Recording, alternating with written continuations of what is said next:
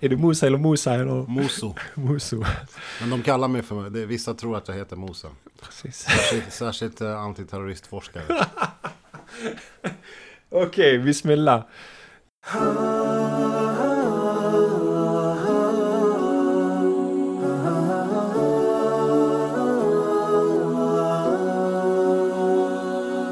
Assalamu alaikum och hjärtligt välkommen till Koranpodden. Detta är podcasten som hjälper dig förstå Allahs ord och där vi träffar spännande personer och samtalar med dem om Koranen över en kopp kaffe. Du lyssnar på poddavsnitt 117 och idag ska du få lyssna på min hjälte, förebild och vän Thabo Muso från Stockholm. Vår vänskap sträcker sig många år tillbaka och hur vår vänskap började en gång i tiden och varför Thabo är min personliga hjälte är en unik och vacker berättelse. Jag vill inte avslöja för mycket inledningsvis utan du kommer få svaren under samtalets gång. Men om du är en person som står upp för rättvisan och för alla människors lika värde mot rasism och främlingsfientlighet, då är jag ganska övertygad om att du också kommer se Thabo som din hjälte. Men innan jag spelade in inledningen till detta poddavsnitt gick jag snabbt in på Apple Podcast. Detta är platsen på nätet med den största samlingen av poddar. Söker man upp Koranpodden på Apple Podcast så har den just nu 311 recensioner. 296 av dessa 311 recensioner har gett Koranpodden fem stjärnor av fem möjliga. Mashallah. Och boende 168 har skrivit den senaste recensionen. Han skriver Mashallah broder, vilket läkemedel för kroppen och själen och sinnet. En givande och kunskapsberikande podd om vår heliga bok, religion och alla profeter mashallah. Må Allah belöna dig och din familj. Amin. Slutcitat. Amin. Och stort tack för din fina recension, boende 168. Detta viktiga arbete kunde aldrig ske utan Guds välvilja och det enorma stöd som vi har fått från våra lyssnare. Om du också njuter av poddavsnitten varje måndag, då kan du också stötta och investera i Koranpodden som hjälper oss leverera nya poddavsnitt varje vecka med spännande gäster och göra detta arbete hållbart och långvarigt inshallah. Du kan enkelt bli månadsgivare via vår hemsida koranpodden.se och donera så lite som 50 kronor i månaden. Många bäckar små blir till en stor å. Våra hängivna månadsgivare är en av Koranpoddens viktigaste stöttepelare som gör att vi levererar kvalitet varje vecka. Du blir enkelt månadsgivare via vår hemsida koranpodden.se.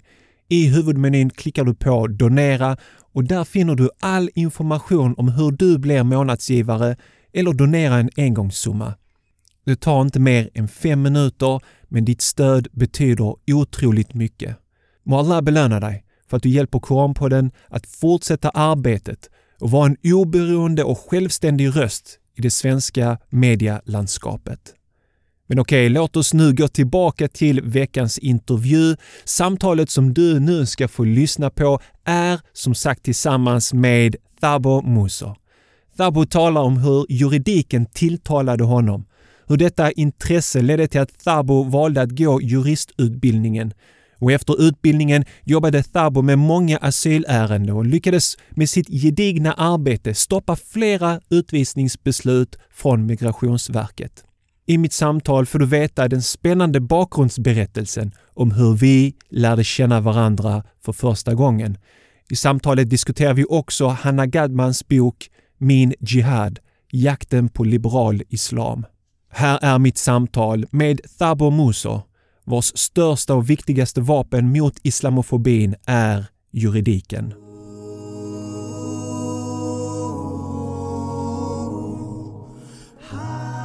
Eh, Muso Thabo, det är en ära att ha dig här. Tack för att du tog dig tiden och kom hit. Tack, det är jätteroligt att vara här och träffa dig också. Ja, och det är söndag kväll nu, börjar det bli mörkt. Ja, jo, det är ju som det är. Tidigare också, eh, en timme bakåt, eh, vintertid, ställa Ja. om. Ja, precis. Hur känner du för det med, med det här när man ställer om tiden med en timme bakåt? Påverkar det dig med sömnen och sådana saker? Ja, lite. Men sen har jag alltså sabbat dygnsrytm i alla fall. Som jag aldrig kan hålla. Så det gör varken från eller till. Det är mörkret i sig som är det jobbiga. Ja. Det kan inte hjälpas så mycket med. Nej, man försöker hitta det mysiga i det. Lite stearinljus hemma, lite så här. För Ja. att uh, lite extra C och D-vitamin skadar inte. Nej, exakt. Träning. Träning är det som hjälper mig bäst att bli pigg. Härligt. Uh, yes, eh, Thabo, jag tänkte att uh, börja med lite om du kan berätta om din bakgrund. Mm. Eh, Du läste jurid, eh, juridik och så. Mm, Bland annat ja. För det spännande är vårt möte Mm. som vi ska komma till. Men innan vi kommer till hur vi lärde känna varandra, om du kunde berätta lite grann om, om din bakgrund. Ja, jo just ja. Nej, alltså jag är nu 44 år.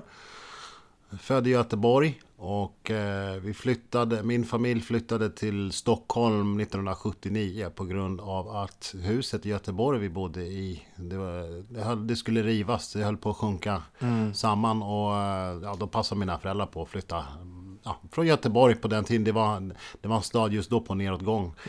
Och eh, då blev det Solna och det var av den anledningen att jag fick dagisplats här. Och en av de sista ungarna som fick det. Eh, den stora dagisreformen. Och sen har jag bott i Solna sedan dess. Så det blir nu 41 år. Jag har bott lite utomlands och så. Men, ja. Så, eh, ja kan man säga? Har gjort olika grejer i livet. Men eh, efter att jag var klar med gymnasiet så tänkte jag först, jag, min stora passion i, i livet, eh, det är historia, det fick jag från min morfar. Så jag tänkte, ja, jag ska bli historielärare och doktorera. Och sen så samtidigt så pratade jag med en, en person där jag jobbade på posten. Han sa, men hur vet du att du kan leva på det och bara köra en strikt akademisk utbildning? Och då tänkte jag på, ja, men jag kanske skulle göra någonting som min mamma hade rått med. Hon är journalist. Ja, men jag läser journalistik.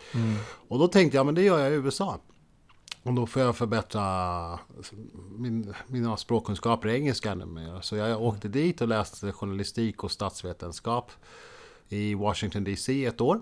Och då hade jag innan läst eh, det historia vid Stockholms universitet och sådär. Så kom jag tillbaks och sen fortsatte jag plugga historia, gjorde lumpen. Och, ja, sen har jag läst andra ämnen under, under tiden, retorik, franska. Men eh, jag, jag beslutade mig för att läsa juridik. Det var många vänner under åren som hade sagt att jag borde göra det. Jag började faktiskt tycka att mycket av det var intressant. Det, Av olika skäl eh, i mitt liv. Jag, kunde, jag, jag märkte hur juridiken verkligen kan påverka på ett sånt oerhört konkret sätt. Alltså både kollektivt och i människors tillvaro, inte min. Jag menar bara ett snabbt exempel var när det var en arbetsgivare jag hade som hade visade sig gett mig två olagliga anställningskontrakt. Det är väldigt stort, känt och rikt, välrenommerat, respekterat företag i Sverige. Och det upptäckte jag på egen hand och därför att jag ville behålla min anställning. Jag hade jobbat där jättelänge. Och, och de sa att nej, du, du behöver gå nu för du är inte civilekonom. Och då hade jag fått höjd lön och de hade bett om att jag skulle stanna kvar. Så jag insåg att jag var lurad. Och, det gjorde min mamma väldigt upprörd och sådär. Jag behövde betala till hyran. Så att Det gjorde mig extra arg och det är ett sätt att dämpa eh, oron och vreden då. Det var bara att gå till biblioteket hela tiden efter jobbet och läsa in mig på arbetsrätten. Och sen så skrev jag en sammanställning av allt som hade hänt och vad lagen sa. Och då vände det upp och ner på allting och så fick jag eh, fast anställning där. Och jobbade där i fem år till. Och blev till och med fackligt eh, ombud och skyddsombud och sådär. Och lärde mig om arbetsrätt. Men ja, till slut i alla fall så på olika sätt så sökte jag in och kom in på juristutbildningen. Och började, ja, först läste jag eh, juridisk introduktionskurs i, i Lund och det var faktiskt fantastiskt för att då tyckte jag att jag fick metodiken, eller en hel del i alla fall av den grundläggande metodiken i juridik. Och jag, jag, jag vill ändå, jag försöker vara ödmjuk med att säga, men jag tycker att juridik det är, det, är, det, är ett, det är ett sätt att tänka och förhålla sig till saker. Det är ett filosofiskt sätt, men det är som så mycket annat än en metod. Det vill säga, det är inga jurister som kan allting, men de lär sig och han, juridik och lär sig att hantera den på ett visst sätt. Det började jag lära mig. Sen läste jag i Stockholm. Men vad som hände då var att jag dessförinnan, dessförinnan hade jobbat som eh, sekreterare åt en person som var jurist. Eller precis blev i samma veva. Så att vi, vi, jobb, vi hade varsin enskild firma men vi jobbade med alla möjliga klienter. Och eh, jag lärde mig väldigt mycket men det var, det var ganska slitsamt. Och, jag kommer ihåg att du berättade det till, för mig när vi träffades. Var det det här med fly, bland annat flyktingar som... Ja, bland annat ja. För det, det, det var väl en arbetssituation som inte var riktigt hållbar på många olika sätt. Men mm vad som hände var att min, hon, hon som jag jobbade med åkte på semester. Så att eh, jag fick ta itu med ett ärende helt och hållet själv. Och det var faktiskt eh, en av de första asylärendena som jag hade, inte det första, men jag hade jobbat hårt i några andra. Och här så helt plötsligt så lyckades jag stoppa utvisningen på egen hand och så samma veva så sa domstolen att vi tycker att du ska förordnas som offentligt biträde, det vill säga mm. att staten går in och ger en den titeln offentligt biträde och då betalar staten också mm. för eh, det juridiska jobb man gör. Så det är ganska kul för normalt sett så är det bara advokat och jurister som får det, men jag fick det i alla fall. Så, och sen i samma veva så jag var på semester och kom tillbaka och började känna nej jag kan inte fortsätta jobba på det här stället. Så då, mm. då fortsatte jag att studera. Och eh, i den vevan när jag höll på med det här, det var en klient som kom över till mig det var den här äh, mannen från Afghanistan mm. som jag hade stoppat utvisningen för en gång. Jag stoppade den tre gånger till innan han fick uppehållstillstånd. Men då, då, då efterforskade jag fakta på lite ställen som gjorde att några hörde av sig till mig och mm. frågade om jag ville ha en klient. Och det, jag tog den klienten, jag behövde bara pengar, jag var en jättefattig student. Mm. Och jag kämpade, eh, vad var det nu? Det var i alla fall ett dygn i sträck åtminstone tror jag.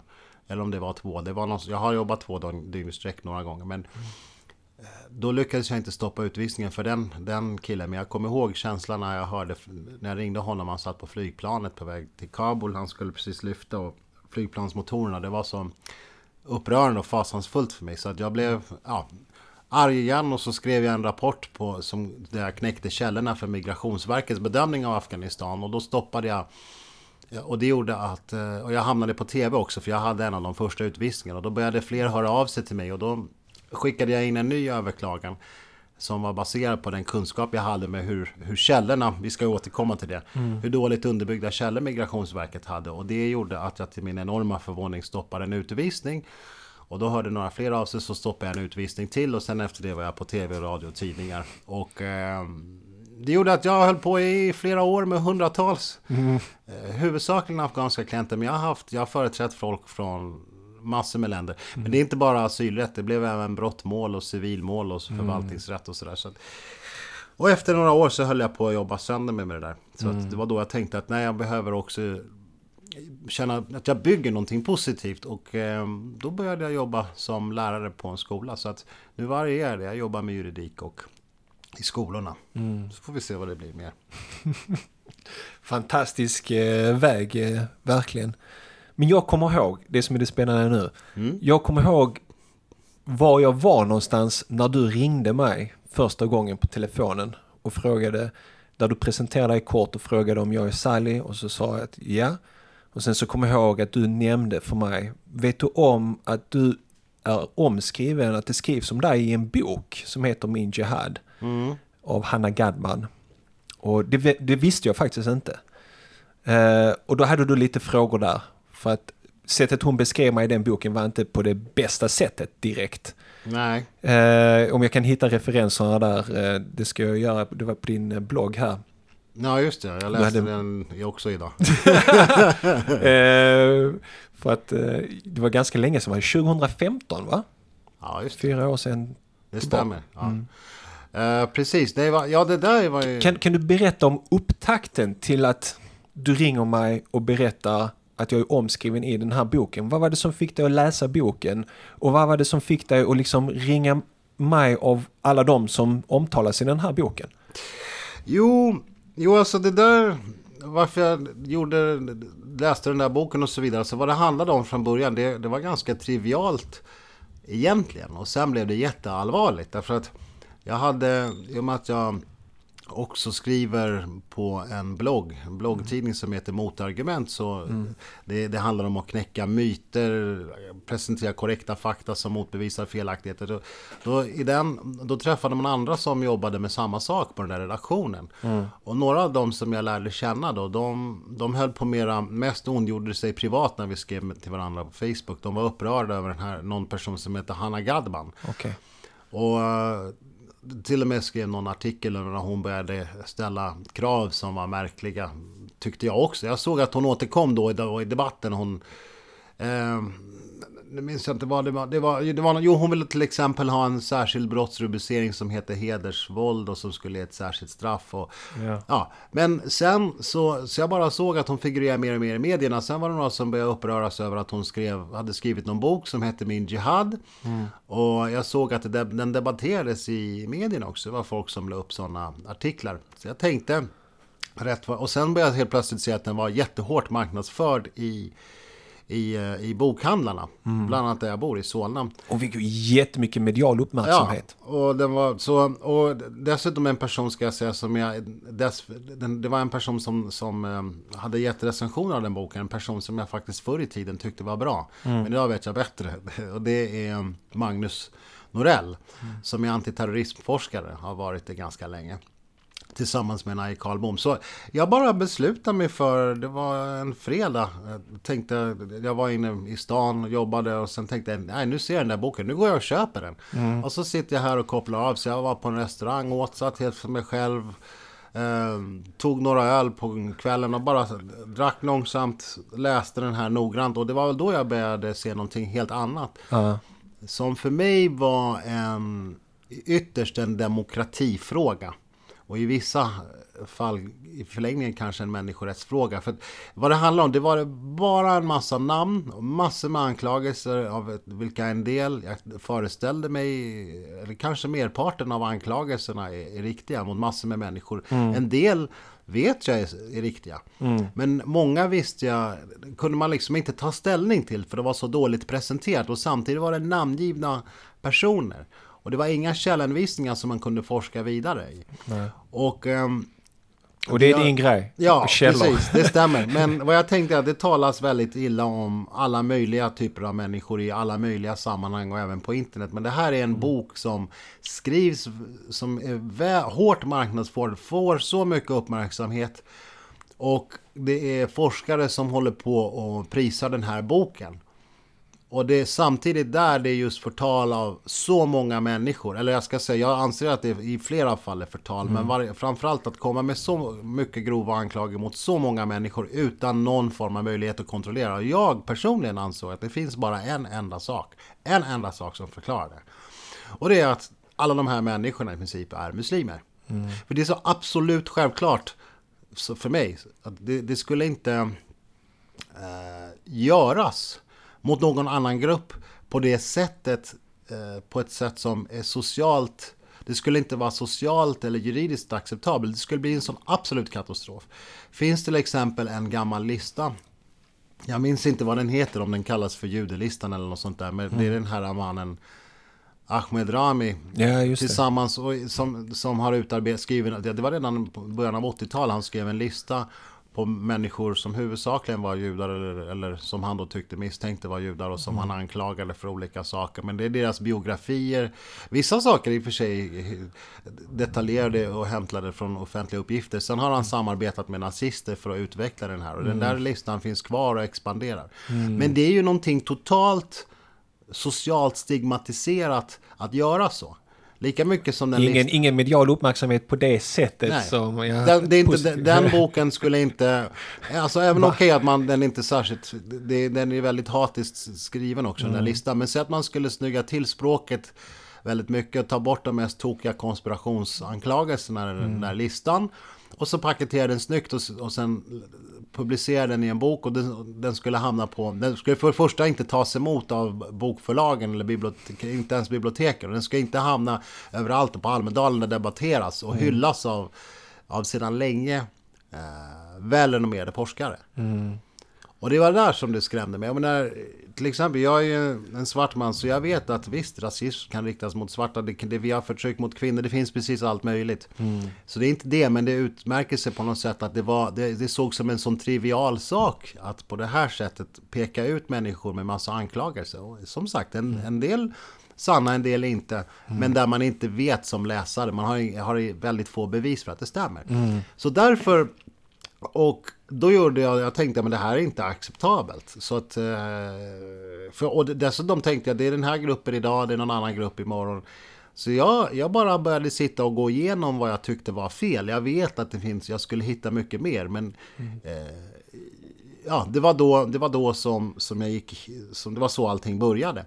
Sen att jag ringde dig, det var, det var ju genom att det var en person som jag känner, som mm. känner dig. Mm, och som sa att, för när jag hade skrivit min rapport, eller eh, du var också lite i blåsväder då och i samma, samma mm. veva så tänkte jag men jag ska faktiskt se hur det ligger till för det var en person som kände dig som mm. sa att mm. ja, men Sali han, han, håller, han är inte i närheten av sådana här mm. situationer. För jag, jag har citaten här som du ja. sen skrev i din rapport. Det står så här Sali pekas ut av Gadban ut hela sex gånger i boken som islamist, radikal islamist, radikal salafi-predikant, och den här sista då, eh, islamist av den mer fiber, fiberrika typen. Vad ja. man menar med fiberrika typen vet jag inte. Det är ett uttryck för att... Eh. Att han tillhör den mest radikala islamistuppställningen och så vidare.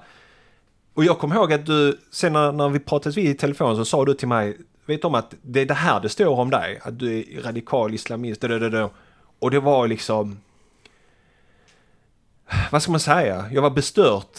Eh, chockad på ett sätt att någon beskriver mig på det här sättet för det är definitivt inte vem jag är. Men jag kommer ihåg att mitt svar till dig var mitt material ligger ute. Jag, jag, jag, hade en hemsida då, finns också ute nu, som heter hikma.se och där jag spelade in alla mina föreläsningar och publicerade alla mina föreläsningar. Jag har aldrig dolt någonting som jag gör. Och det jag sa till dig var då att om det här stämmer, lyssna på mitt material, titta på allting, alla mina föreläsningar ligger där. Ingenting stämmer med, med det som hon skriver om mig här. Mm, det stämmer. Det var ju det jag gjorde också. Det var ju det jag var intresserad av. För jag, jag brukar ju vara så att jag kan, jag kan till och med vara eh, ännu tuffare mot dem som, som jag, jag tänker att det här är någonting som är fel. Men mm. man måste verkligen vara noggrann och kontrollera. Så jag lyssnar ju på alla de där intervjuerna med det och tidningsartiklar och liknande. Jag mm. skrev ju som du vet av en hel del av, av vad du har sagt. Mm och länkade till i den här rapporten som jag skrev om boken, eller bokrecensionen ska jag kalla den för. Precis. Uh, precis, när det var... Jag ska lägga länk till den på hemsidan till det här avsnittet så att folk kan... Uh, ja, ja men du menar bokrecensionen ja. Som ja, jag kallar ja, ja, för precis. antingen är du med oss eller så är du med terroristerna. jag citerar George Bush, det stämmer. ja. ja, där är den. Antingen är du med oss eller så är du uh, med terroristerna. Svartvit värld. Mm. Ja, jag har faktiskt haft med det citatet i en av mina poddavsnitt. Ja. ja, ja. Jo, nej men det stämmer. Jo, precis. Det var ju en, en... Dels var det ju ett möte där jag, där jag förstår att du var inte riktigt på det klara med vilka som skulle vara närvarande där. Och det har jag själv varit med om i olika sammanhang. Man är inbjuden till något mm. föredrag eller vad det nu kan vara. I regel har man koll på vilka det är, men det kan vara så att det är något helt annat. Men det mm. som jag minns, det är ju faktiskt vad du sa där. Ja, precis. Vad du började predika om eller för, propagera för att mm. ja, det, det är alltså minst sagt fel med våld. Det ska man inte ta till i något sammanhang. Vi ska inte ge oss på människor bara för att de har en annan religion. Mm. Alltså säga, de som är muslimer. Och i, i, just det fallet i den föreläsningen så pratar jag också om den här eh, engelska hjälparbetaren som blev eh, tagen som gisslan av en uh, islamistisk grupp eller en terroristgrupp och de vill liksom avrätta honom. Jag sa att i, i vår tro så finns inte det här. Man får inte lov att avrätta hjälparbetare eller kidnappa dem på det här sättet. Det här går helt emot vår religion. Mm. Jo, det stämmer. Det, det var sånt som, som, som du tog upp, ja.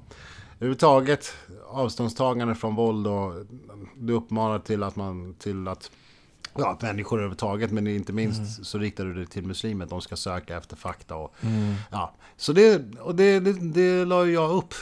Och um, därför jag tyckte det var, jo jag kan säga så här också, jag ville ha något exempel. För att istället bara sitta och skriva en bokrecension där jag jag vet inte hur många gånger jag tar upp det, säkert ett 20-tal gånger i, i recensionen, att ja. det inte finns några källhänvisningar. Men jag tyckte du var för mig ett bra exempel på en person där jag faktiskt kunde kontrollera omvänt. Stämmer någonting av de här anklagelserna? Och det är den som har mest publicerat av alla som är uthängda där. Alltså lagt ut mina föreläsningar, alla mina texter och bloggen. Ja. Liksom. Det är lätt att kontrollera. I regel så kan man ju säga att nej, men den som påstår någonting är den som ska bevisa att det stämmer. Men jag ville vända på det och se, det här har vi ett fall mm. där det eh, där jag vill se, stämmer, stämmer de här påståendena? Sen, jo, det var naturligtvis så. Jag märkte ju också i den här bokrecensionen, det var en person som anklagas för att ha tvättat pengar åt Daesh eller Islamiska mm. staten. Mm. Och där författaren Halga Gadban och hennes bokförlag hade bett om ursäkt och bara sa att det var en upp, felaktig uppgift. Det hade de skrivit på sin hemsida. Mm. Och det var innan jag skrev bokrecensionen, så bara där såg jag att men det här stämmer ju inte. Mm. Det här är ju otroligt allvarligt och om man då anklagar en människa för att tvätta pengar åt en av de mest fruktade terroristorganisationerna i världen. Mm. Då räcker det inte med att bara skriva oj förlåt på en hemsida. Det måste gås ut mycket mer. Boken måste dras in mm. på grund av det. Vi ska väl komma till det senare. Yeah. Men, eh, och sen tycker jag det var lite lustigt också när det, det talades om ett islamistiskt så kallat stormöte i, mm. i Angereds, vid Angereds arena. Och du, du sa att, ja, ja, och du, du påstods ha varit med på det. Och du där. sa att nej, jag var inte där. Ja. Och sen, det roliga var också när jag skrev bokrecensionen. Man måste faktiskt ge ära åt, och den som ska ha, ha äran för det, det var någon som är från Angered som kontaktade mig och sa Ja vet du vad, den här Angereds arenan den fanns inte det året. Den, den, var inte, den blev klar året efter. Och det var ju också då som jag började känna mer och mer att nej men det här, det verkar inte som, har Hanna Gadman skrivit det här själv? Mm. att pussla, pass, pussla ihop så mycket uppgifter om så många människor, det tar tid. Och sen verkade hon inte förstå eh, konsekvenserna av att skriva en sån bok. Sen kan jag i och för sig säga en annan viktig sak. Mm. Och det, det står jag för in i döden. Men jag kan inte nämna vilka som... Varför jag, varför jag vet att det är så. Jag vet nämligen att de två personerna som skriver fina recensioner på omslaget till den här boken mm. och som också har marknadsfört den mest. Det är till stora, stora eller större delen de, nästan helt de som har sammanställt och skrivit hela materialet. Mm. Och de har gått till personer och frågat om de personerna vill stå som författare mm. till den här boken. Jag vet en person, jag känner till en person som fick det erbjudandet och tackade nej. Och Anna Gadman tackade ja. Precis, för jag har den känslan av också, jag har den känslan när jag lyssnar på henne eh, på tv och när jag läser boken så känner jag, och liksom just det här materialet, jättestort material. Uh, med det vill jag säga att uh, jag hoppas att ni som inte läst min bok, kika igenom. Ni får lusläsa, kolla vad är det som var fel i mina uttryck. Vad är det som gör att folk reagerar som de gör? Vad är det som gör att en invandrarkvinna som hamnar i det här landet inte får komma till tals i offentligheten? Eh, jag svarar jättegärna på allas frågor för, eh, och hoppas inte att eh, alla blir rörda av det, mitt tal. Tack jag har svårt att föreställa mig att hon har skrivit den här boken mm. själv. Utan att där är personer som står bakom. Precis som du har sagt. Men jag kan inte verifiera det. Men det, du, har, du har uppgifter på det. Jag vet alltså, att människor dels, som har blivit kontaktade. Ja, dels är det folk som har sammanställt och det är ju olika människor. Men de mm. som ligger bakom projektet det är två personer som heter Magnus Norell då. Mm. Antiterroristforskare, nu minns jag inte vilket ämne formellt. Och sen har vi en, en annan docent som heter Aje Karlbom. Mm det är de som ligger bakom projektet och de ville hitta någon person som passade in på en profil som användes, gick bra att använda sig av. En person som är eh, muslim och som är kvinna som, samtidigt. Och som på något sätt är karismatisk och liknande.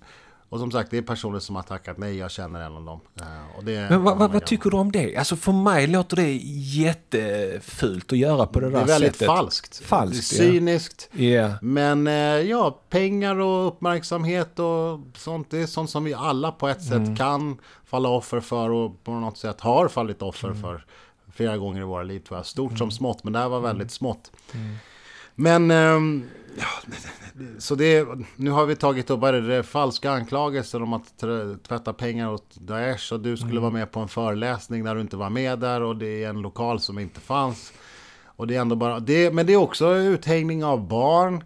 Ja, det är barn, ja. uthängning av folk som eh, bara för att de bor på en adress där någon dessutom felaktigt påstås vara dömd för brott till eh, brytande av sekretess mot, gentemot personer som intervjuas. Eh, det, det, Anna Gadban hon intervjuade, hon använde sig av personer från sin doktorsavhandling som hon har intervjuat. Hon, I mm. doktorsavhandlingen så lovade hon de personerna anonymitet. Mm. Och i den här boken så ja, då har de andra namn och hon säger inte att det är fingerade namn. Så det, det finns hur mycket som helst.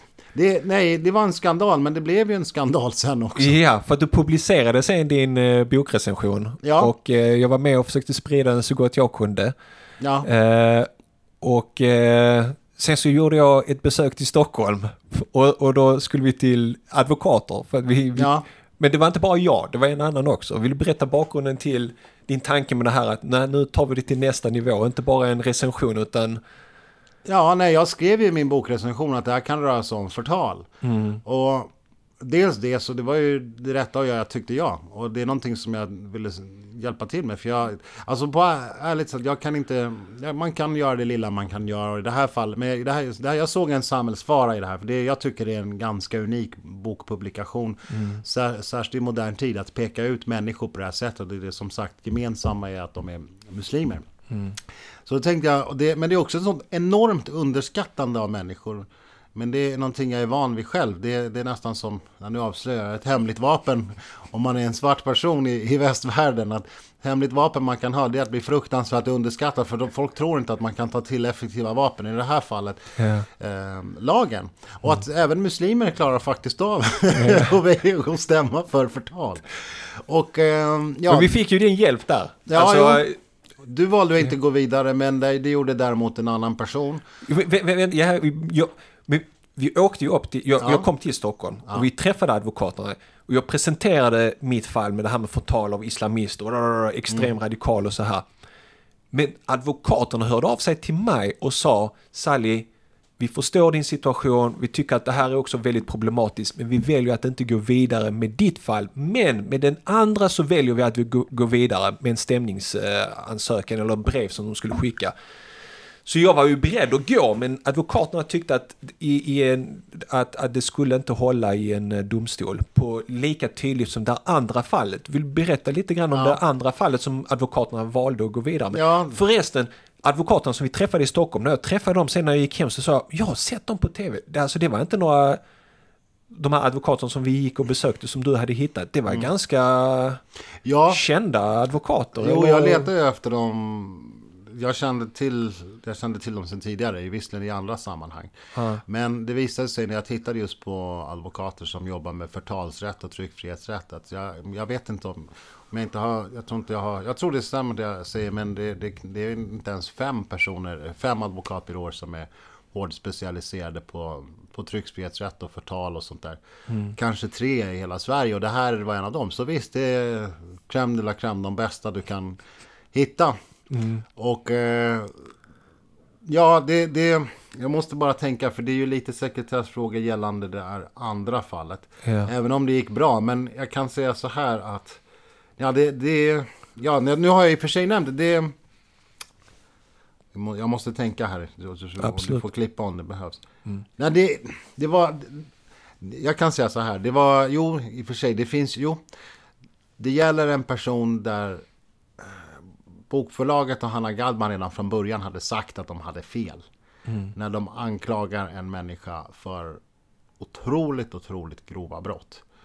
Och de anklagelserna i den boken hade till och med redan lett till att den personen med sin familj hade fått flytta från sin bostad på grund av trakasserier. Mm. Så det är liksom inte heller någon, det är, det är, man kan se, det här är ingen lek när man håller på och hänger ut människor på det här sättet. Men eh, så där och det, det fanns offentliga uppgifter i domar och överallt annars som visade att den här personen var totalt oskyldig mm. till de här anklagelserna. Så därför, och, och i boken stod det att han var fälld för det? Ja, dömd. Dömd, dömd. För de här mycket grova brotten. Det var mm. terrorbrott egentligen också. Mm. Som han var anklagad för, men han var oskyldig. Och det var en populär bok, sålde jättemycket, mycket publicitet. Jag Alla läser, alltså folk läser boken och, om honom. Sen att de har en liten text på hemsidan att det här mm. är fel uppgift. Jag menar, hjälper det? Nej, och det hade ju kunnat bli så. Vad gäller försäljningen så, så finns det lite mer att säga om det som jag ska, och strax ska återkomma till. Men um, så där förberedde advokaten ett väldigt utförligt brev. Och skickade det till bokförlaget. Fri och, tanke va? Ja, och de gav med sig nästan med en gång. Sen höll de, så det blev en förlikning, det vill säga ett avtal från båda parter. Att okej, okay, vi går inte vidare här, om vi får betalt, om, om vår klient får betalt så här mycket och så vidare. Mm. Och det publiceras någon ursäkt. Det gick Fri Tanke med på. Och de betalade och det gjorde även författaren Hanna Gadban ur egen ficka. Och de drog tillbaks boken. Sen så skulle de publicera en, en utförligare ursäkt på sin hemsida. Det gjorde de egentligen inte riktigt. Och de försökte mer använda, skryta med att de kom upp med en ny upplaga av boken. Det var det som var deras ursäkt. Men ja, de drog tillbaks den. Och det var egentligen det var tillbakadragandet som, kan, som var det, den, den, det som skadade dem allra mest. Mm. Dels ekonomiskt, för att om du bara tänker på att vad ska du göra när du drar tillbaka en bok från en bokhandel? Du ska ta, ha, stoppa bort den från hyllorna, in i ett lager och sen på en lastbil och så iväg till ett nytt lager. Ja. Jo, och så gör du det med si och så många tiotusentals böcker. Mm. Sen av någon anledning kostar just så kallade referensböcker på biblioteken väldigt mycket mer att beställa. De skulle dras in ja, det, vi har några tusen bibliotek i Sverige. Ja. Och hundratals kommunala bibliotek. Så det kostar enorma pengar och sen ska alla förstöras. Sen ska någon sitta och gå igenom allt och kolla vad som är rätt och är fel. Det vill säga vad som Hanna Gadman skulle gjort från början. Mm. Och sen eh, ska man trycka upp en ny utlaga, upplaga och så ska alla de böckerna ut. Yeah. Så det blir en ekonomisk katastrof och det blev det för bokförlaget också. Mm. För att de hade gått med vinst år efter år, mer och mer. Men det blev ett katastrofår ekonomiskt för Fri Tanke eh, mm. på grund av att det här hände. Mm. Och sen då när det kom, eh, publicerades en artikel i Dagens Nyheter om vad som hade hänt, att boken återkallades på grund av de här sakfelen, så mm. blev det ju bättre. Ännu värre. Och det förbättrades ju inte av att bokförlaget Fri Tanke hade blivit känt innan för att de hade publicerat dåvarande justitiekansler Göran Lamberts bok där han förklarade på något sätt att Thomas, så kallade Thomas Quick egentligen på något sätt var skyldig för alla de här åtta morden han blev dömd för. Där, det visade sig att han var ett helt oskyldig. Ja, ja precis. Alla, han friades från alla morden. Han, han, han, han, jag tror han, han har dessutom erkänt mord på folk som fortfarande lever idag, sånt där 32 mord. Men Göran ja. Lambers då, han, som, som, han sa att den här mannen, han är ändå skyldig. Ja. Och då fick den, den boken han skrev, den fick rättas fem gånger på grund av faktafel. Så det hade hänt innan det här med Hanna Gadban. Så det, det, det var inget bra för det där bokförlagets fortsatta verksamhet, nej. Så det var väl... Eh, det var väl det, men det var en liten efterhistoria också för sen... Ja, för, för helt plötsligt hamnade du i... Eh, ja. Så nu, nu, nu vänder sig de här terrorexperten och var det inte någon annan också jo. i en debattartikel och hängde ut dig som då Thabo Musa. Jo. Alltså istället för Musa, så Musa, alltså förväxla dig med ja. det här muslimska namnet. Det där är faktiskt en liten intressant historia också. Jag kan säga personligen bara, för det säger en del om tiderna. Uh-huh. Mitt namn det stavas M-U-S-O. Mm.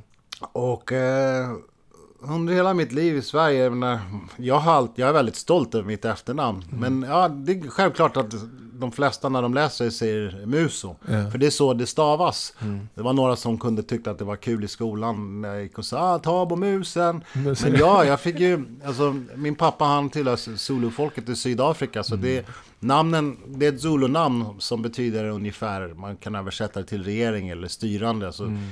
mäktiga män. Mm. Så, men jag har aldrig, det är väl, det är nästintill aldrig som, som några brukade förväxla det med eh, Amosa. Mm. Förrän de senaste, säg 7, 8, 9 åren. Någon gång tiden efter 11 september så började folk få någon slags, ursäkta om jag säger uttrycket, men selektiv dyslexi och kunna läsa fel mellan A och O. Det, så jag tror att det, jag misstänker att det har någonting med det. Och jo, precis de här, de här två herrarna som är spökskrivare till Hanna Galdmans bok. Yeah precis, jag vaknade en morgon och hade bara fullt i min inkorg i Messenger om att, med länkar till den här artikeln. Och det var ganska fantastiskt för det... det var för de avslöjar sig själva ja. då. Det var då vi... Och, och, du förstod att det här måste vara de som måste varit bakom boken. Det visste jag innan. Det, det visste jag innan. Nej men de, precis, jag såg bara en bild på i tidning, en tidningsartikel med en kvinna i en burka. Ooh. Och ja, och så var det sexism någonting sexistisk kritik mot Han- Hanna Gadban. Jag tänkte, det. jaha, okej, vad är det här? Och så, men snälla, det handlar ju om mig. och så, och just, ja, och jag, det var en referens till en rubrik jag hade i min bokrecension när jag skrev Hanna Gadmans extrahjärnor. Ja, Mm. det var det. där det ansågs vara sexism. Och, eh, och så lades det till att is, jämställdhet är inte islamisters starka sida. Med referens till min rubrik, det vill säga indirekt så måste om det, om det är bara en rubrik som, som just jag använder och jag som kallas för Mosa och de talar om att den där rubriken, det är, det är ett exempel på att islamister inte är bra på jämställdhet. Ja, men då måste jag vara islamist. Ja, precis. Och då tänkte jag att nu, nu Du måste visar minst de... vara muslim. Ja, de kör så stenhårt. Det här är människor... Ursäkta att jag predikar nu, men... Ja. Jag blir upprörd.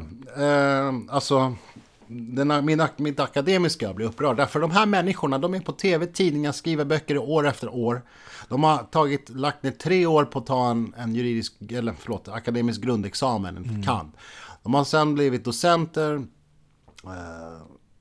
doktorer, doktorerat, föreläst utomlands. De är med i olika organisationer, skriver expertutlåtanden, tjänar enorma pengar. Och de håller på och rättar andra, de rättar elevers uppsatser och säger det där är dåligt underbyggda källor. Sen hjälper de Hanna Gadban med en sån här bok som, som inte har några källor. Och sen när en person som jag kritiserar det, då utan minsta rädsla igen, eh, eller moraliska betänkligheter, så håller de på och far ut med felaktigheter mot mig. I Sverige, så jag tror det är tredje eller fjärde största tidning, Göteborgs-Posten. Så precis, och, och, de, de säger att jag är islamist, nej det är jag inte. Till att börja med är jag inte muslim. Precis. Men eh, det, de hoppades att folk ska tro det för att de ska kalla mig för Mosa och att jag inte har hjärna nog att kunna bemöta det. Så eh, ja, det gjorde jag. Det, det, ja, jag, och de, dels jag, jag, som jag skriver bokrecensioner, för jag visste att det skulle florera sådana där lögner. Det, det, det var till och med en, en sverigedemokrat som jag pratade lite med ibland på Facebook som sa att ja, det är några som, det går ett rykte om att du är muslim. Jag sa nej. Men jag, jag, jag är väldigt intresserad av religion och respekterar alla troende. Jag, jag tycker också att jag inte har några färdiga svar själv. Och att om det existerar en gud eller inte, det är liksom ingenting som avgörs beroende på vad jag tror, tänker eller säger. Men ehm, jag har läst Koranen, jag har läst Sharia och gjort det inte minst för att kunna göra ett bättre jobb eh, i migrationsärenden. Jag har läst Bibeln och så vidare. Eh, Men, men, Men, men jag, har tror de jobbat- har, de har svårt att förstå att en icke-muslim skulle liksom skriva en bokrecension och försvara muslimers rättigheter och heta muso och eh, inte vara muslim. Alltså, jag vet, det är någon form av kortslutning i deras De kan som- inte förstå att, Ja. när, att man kanske gör det för man tror på alla människors lika värde och man Ja, tror på precis. rättssäkerhet och på att vi alla drabbas. Mm. Och ehm, jag, jo, jag skrev det i mitt svar till dem. Att det, jag skulle även försvara människor som blir orättfärdigt anklagade för att vara nazister. Och jag säger att de här två personerna, forskarna, de förstår inte allvaret förrän de själva blev drabbade. Och då skrev, blev de ju så otroligt kränkta. Och, Satt, sa att ja, titta, han håller på att dra en referens till nazister och sådär.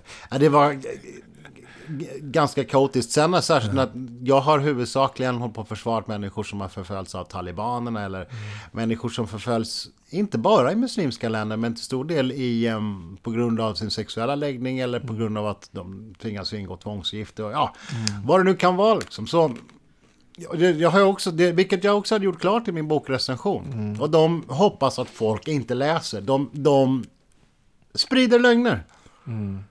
Och ehm, jag kommer väl någon gång, jag, håller, jag har läst, jag, nu kan jag avslöja ett projekt som jag har varit en långkörare med. Men jag har tittat på vad den ena av de här personerna har gjort, Aje Karlbom, innan. Långt tillbaka, så har han skrivit en doktorsavhandling. Som i alla fall till vissa delar skulle kalla för högerextrem. Så att de är tydligen vana och har gjort en karriär på att ljuga och sen har de så helt plötsligt konfronteras de när samlade medier hur, inte hur gör det. kan de lyckas göra en akademisk karriär med sådana dåliga, dåliga källor och uppenbara lögner och högerextrema åsikter? Hur lyckas de ta sig fram så långt? Jag tror att ganska säkert att det är, det är en frågan om kulturell blindhet som vi alla har kanske på något sätt i alla delar av världen, oavsett samhällen, länder, kultur.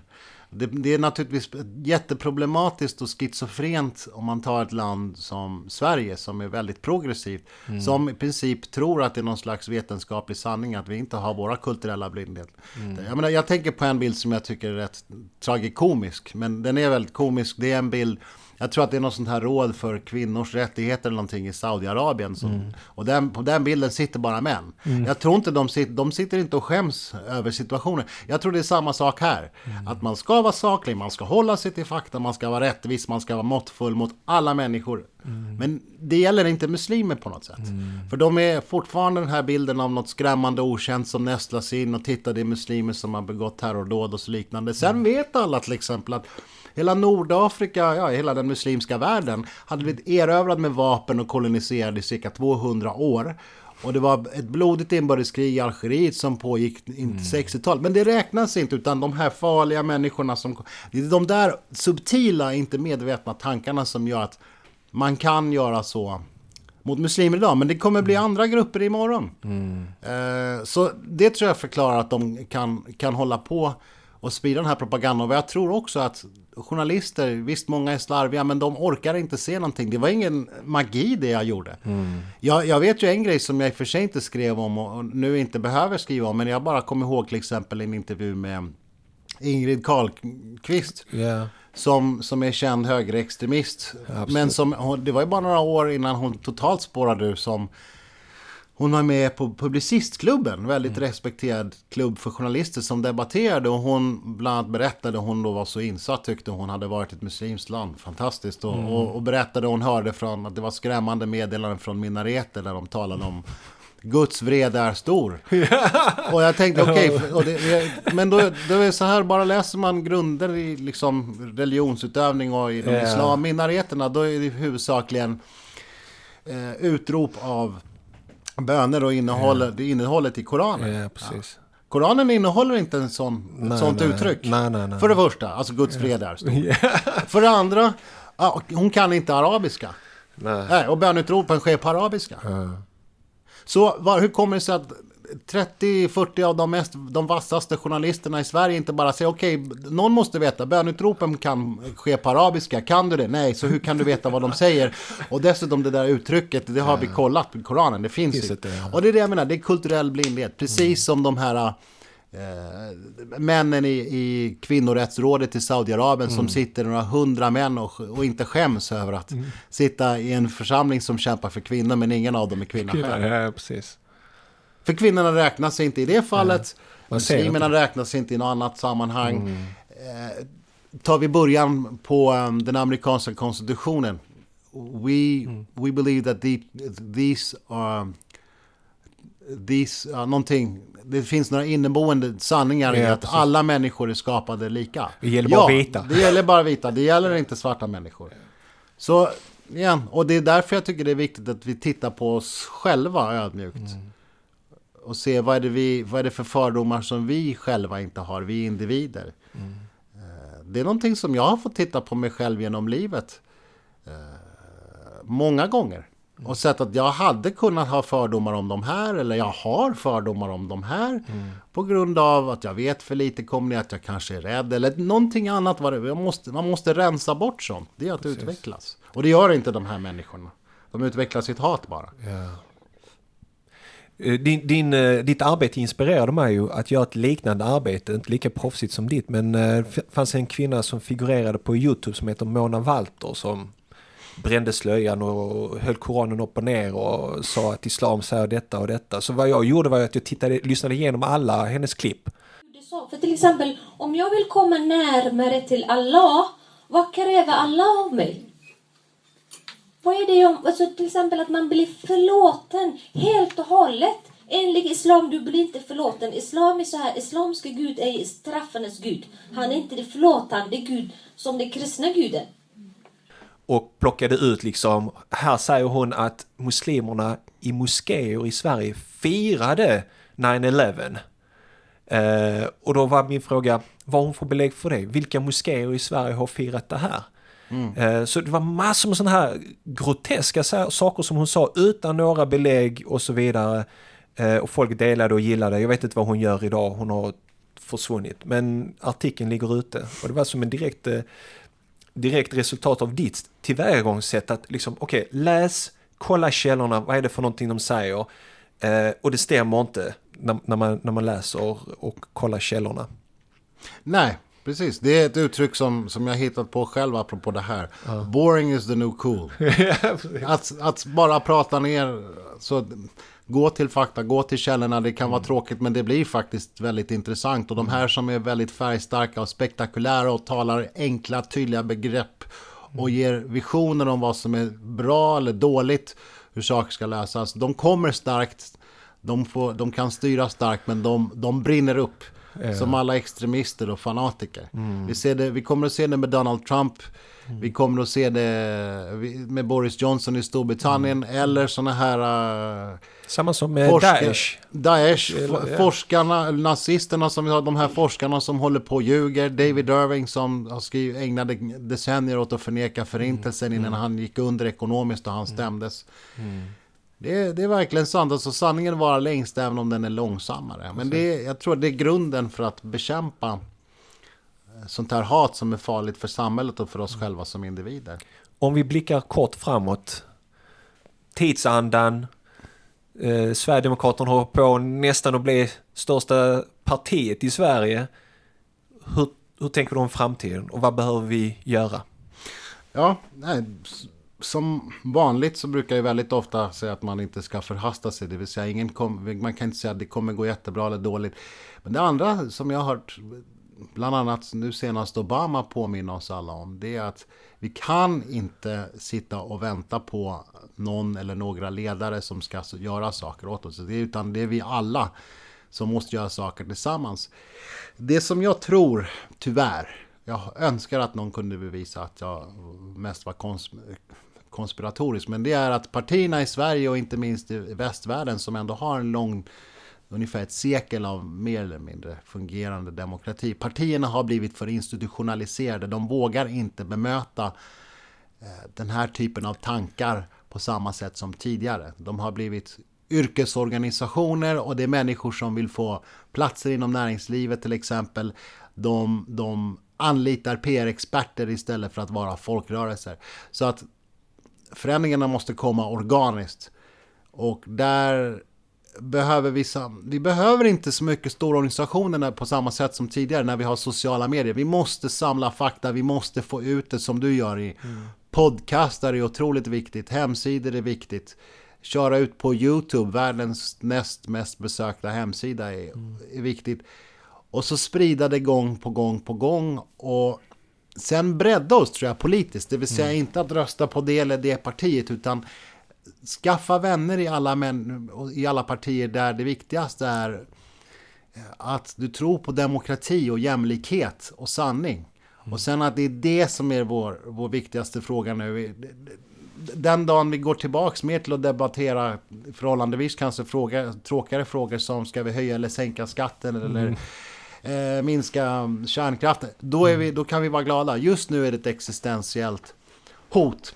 Mm. Fortsätter, om inte, partierna tror jag inte kommer överlag ändra sig så mycket. Och om inte vi då börjar gräsrotsrörelser med podcastar, tala med mm. människor i vår omgivning och är pålästa, då tror jag att dels kommer de här krafterna att bli starka, men det andra som händer det är att en massa människor blir passiva, de ger upp för de tänker okej, okay, ja, de där krafterna är farliga, men det är ingen som som talar eller försvarar mig. Så jag, jag vänder mig från det politiska systemet. Mm.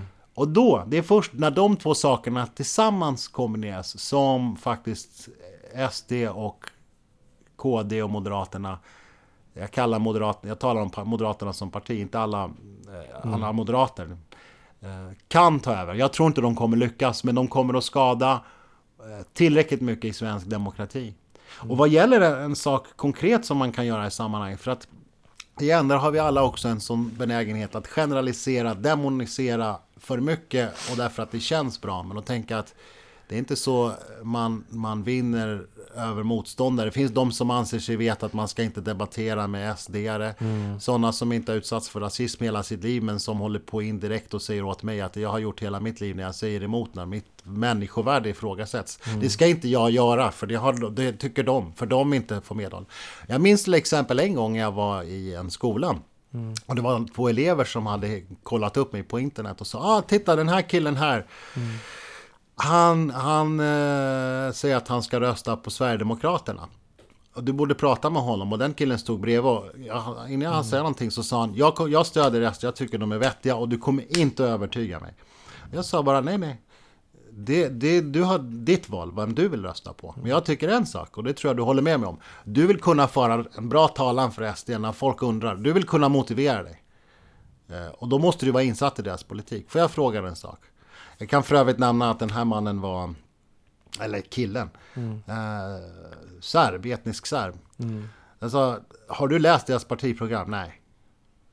Eh, vet du förresten vad de tycker om han var ortodox kristen ortodox. Mm. Vad de tycker om kristna ortodoxa. Jimmy Åkesson han, han röstade för att man skulle förbjuda en ortodox kyrka i, i, sin kommun. Men jag säger, jag ska inte säga mer utan läs bara. Ingenting annat, kom tillbaka till mig imorgon. Mm. Och det gjorde han. Han kom tillbaka och han bara hade en kommentar. Jag har läst deras partiprogram. Nej, jag tänker inte rösta. Så kan det, lätt kan det ofta vara. Mm. Och det är vad vi måste göra. Mm. Och be behandla dem bestämt och envist och hårt. Eh, men utan att använda oss av glåpord eller ibland kan det vara väldigt lätt att, att håna väldigt mycket. Mm. Det bör vi låta bli. I, så långt det går behandla dem som vi själva blir behandlade. Jättefint eh, råd. Sabo, ditt intresse för religion, du har läst Bibeln, du har läst Koranen. Mina gäster får en möjlighet att kunna citera någonting ur Koranen eh, och kort reflektera över det. Jag tror du hade hittat någonting. Mm. Här har du den referensen. Så får gärna läsa den och berätta dina kommentarer så avrundar vi samtalet. Ja, det stämmer. Det var, en, det var ett citat som jag fastnade för och som jag har eh, skrivit om i ett helt annat sammanhang där som handlade om eh, islam och inställning till sina medmänniskor inom islam och även i, till andra religioner. Så det mm. är, eh, det är suran al Maida, jag hoppas att jag uttalar det Jättefint uttal. Den himmelska måltiden. Mm. Femte suran, ayat 48, det vill säga vers 48. Jag ska faktiskt läsa hela istället. Den låter så här. وأنزلنا إليك الكتاب بالحق مصدقا لما بين يديه من الكتاب ومهيمنا عليه فاحكم بينهم بما انزل الله ولا تتبع أهواءهم عما جاءك من الحق. لكل جعلنا منكم شرعة ومنهاجا. ولو شاء الله لجعلكم أمة واحدة ولكن ليبلوكم فيما آتاكم فاستبقوا الخيرات. إلى الله مرجعكم جميعا فينبئكم بما كنتم فيه تختلفون. Mohammed säger Vi har uppenbarat Koranen för dig med sanningen som bekräftar det som består av äldre tiders uppenbarade skrifter och vars uppgift det är att vaka över. Döm mellan dem som följer dessa skrifter på grund av det som Gud har uppenbarat för dig och ge inte efter för deras önskningar som står i strid med den sanning som du har fått emot. För var och en av er har vi fastställt en lag och en levnadsregel. Om Gud hade velat hade han helt visst gjort, gjort er till ett enda samfund.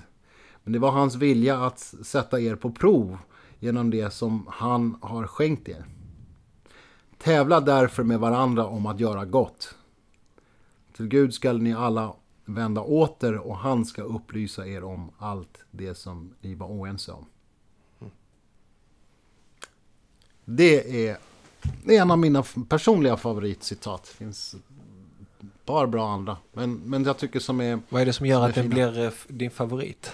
Jo, det är nog det där uttrycket. Man ska tävla med varandra om att göra gott.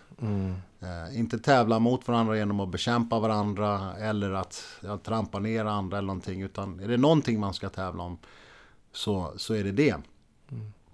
Och det tycker jag, det kan gälla för alla människor. Och sen är det väl någonting som också i och för sig jag tycker är återkommande ganska ofta. Som jag tolkar det i alla fall i Koranen och i många hadither. Det, det är att jag sa det till en vän som är muslim efter ett tag när jag hade läst Koranen att det talas om islam som en sträng religion och så vidare. Jag sa att till viss del kan det stäng, stämma, tycker jag, men den är sträng mot muslimer. Det vill säga, det ställer ganska höga krav på hur man ska vara som människa. Om man ska anses vara en god muslim. Och intressant också, återigen min tolkning, men det, det är att som jag tolkar dels vad som står i Koranen och i många hadither, det är att eh, en person som, som kanske inte är, är muslim kan anses stå, eh, vara en mer rättfärdig människa just för att det är en bra människa. Och en person som, som ber och gör alla de formella sakerna riktigt är inte nödvändigtvis den bästa muslim, utan det är hur man är som, som människa. Så jag, jag, jag fastnar, jag, jag tycker det är en bra levnadsregel. Man ska, Vi borde tävla med varandra om att göra gott. Eh, Samhället blir mer och mer polariserat och man jobbar mot varandra och man försöker utmåla vissa grupper som fiender i samhället och som problematiska och eh, lägga över alla problemorsaker på, på den gruppen liksom, så att man själv är ren och fin Eh, och det är de som är problemet. Kvinnoförtrycket finns där och ojämlikheten finns där och allt det där och vi själva är änglar och goda. Men jag tror religionerna lär att man ska titta på sig själv. Vad är det för någonting jag gör fel? Och då rensa ens egna tankar. Jag tyckte om det du nämnde innan att, att eh, vi måste hela tiden granska oss själva. För vi själva bär på fördomar. Och att vara självkritisk. Varför har jag de här fördomarna? Varför känner jag på det här sättet? Jo, men det är för att jag inte har någon kunskap. Jag har inte, det har hänt någonting i mitt liv som har gjort att jag har ett agg mot människor eh, från den gruppen och så vidare. Och, och det är det som jag tror folk reflekterar inte utan de bara kör på det. Och, och det är så många politiker och tydligen forskare också som liksom pushar för det att jo men det är helt okej. Du behöver inte tänka på dina eh, källor. Du behöver inte kontrollera det.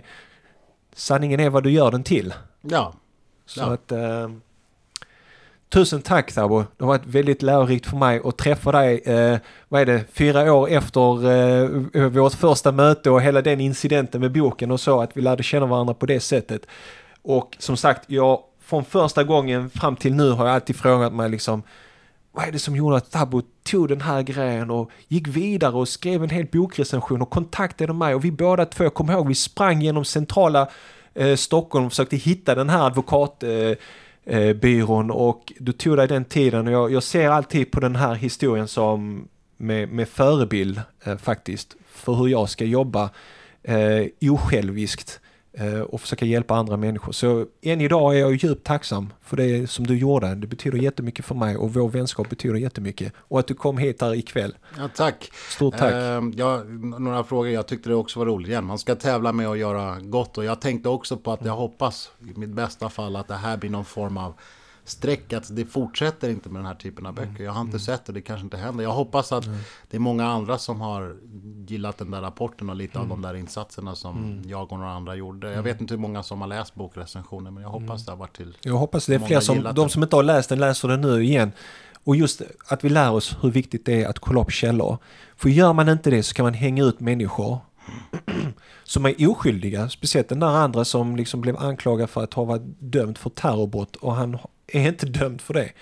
Eh, och jag som hängs ut som islamist och av den fiberrika karaktären eller whatever. Eh, vi får, vi får liksom ha det. Jag kan inte gå till en domstol och få honom, få honom fälla för det. Men, eh, men eh, va, alltså man måste vara väldigt noggrann vad man anklagar människor Och se för. till att studera alla där ute, vad ni än gör. Det är en av era viktigaste sätt att försvara er själva, att lära er hur ni får in kunskap. Tusen tack Thabo. Tack så mycket. Ha det så bra. Salam. Tack för att du lyssnade på mitt samtal med Thabo Musso. Något som jag tar med mig från mitt samtal med Thabo Musso är vikten av att vara källkritisk. Att inte gå på känslor utan att ha is i magen och noggrant gå igenom fiendens argument och desarmera dem med intellektuell integritet. Tack Thabo för denna viktiga erfarenhet och kunskap. Vad tar du själv med dig från detta samtal? Jag är nyfiken på att få veta. Lämna ett svar eller en kommentar direkt på Koranpoddens hemsida. Gå in på koranpodden.se 117 och lämna din kommentar längst ner på sidan. Du kan också mejla mig dina tankar på hej koranpodden.se. I nästa veckas avsnitt, poddavsnitt 118, får du lyssna på när jag samtalar med Gulderen Barbro Höll. Gulderen Barbro har varit muslim under många år och har tagit sig igenom tuffa och svåra tider i sitt liv. Hennes tro har varit vägledande och en källa till tröst. Här kommer ett kort utdrag från det samtalet. Nej, men precis. Och, och, när till och med alltså, företrädare för religionen så, står och säger samma sak, då blir det väldigt svårt. Eh, för om man sitter och lyssnar på föreläsning efter föreläsning där, där man hela tiden pratar om att kvinnan ska vara lydig, kvinnan ska lyssna på sin man, kvinnan ska möta sin man med, med respekt, hon ska, hon ska eh, möta honom med ett leende oavsett hur hon mår. Och så vidare och så vidare. Hon ska ta emot precis vad som helst. Och han kan säga vad han vill med, eh, till henne. Han kan göra vad han vill med henne. Han kan slå henne. Det gör ingenting. Eh, det är totalt fel. Och det måste man vara jätteförsiktig med att acceptera. För det är så svårt att ta sig ur det. Missa inte samtalet nästa vecka där du kommer få lära känna den fantastiska systern Gulduren Barbro. Jag vill också påminna dig om att stötta Koranpodden genom att bli månadsgivare. Gå in på vår hemsida koranpodden.se och klicka på donation i huvudmenyn. Jag tackar så mycket för ditt stöd. Följ oss på Facebook och Instagram för inspirerande och upplyftande korancitat under hela veckan. Och vill du komma i kontakt med mig så gör du det lättast genom att mejla mig på hej Då återstår det bara för mig att önska dig en härlig vecka Tack för att just du lyssnar på Koranpodden. Vi hörs igen nästa vecka på måndag inshallah. Ta hand om dig tills dess. Salam alaikum wa rahmatullahi wa barakatuh.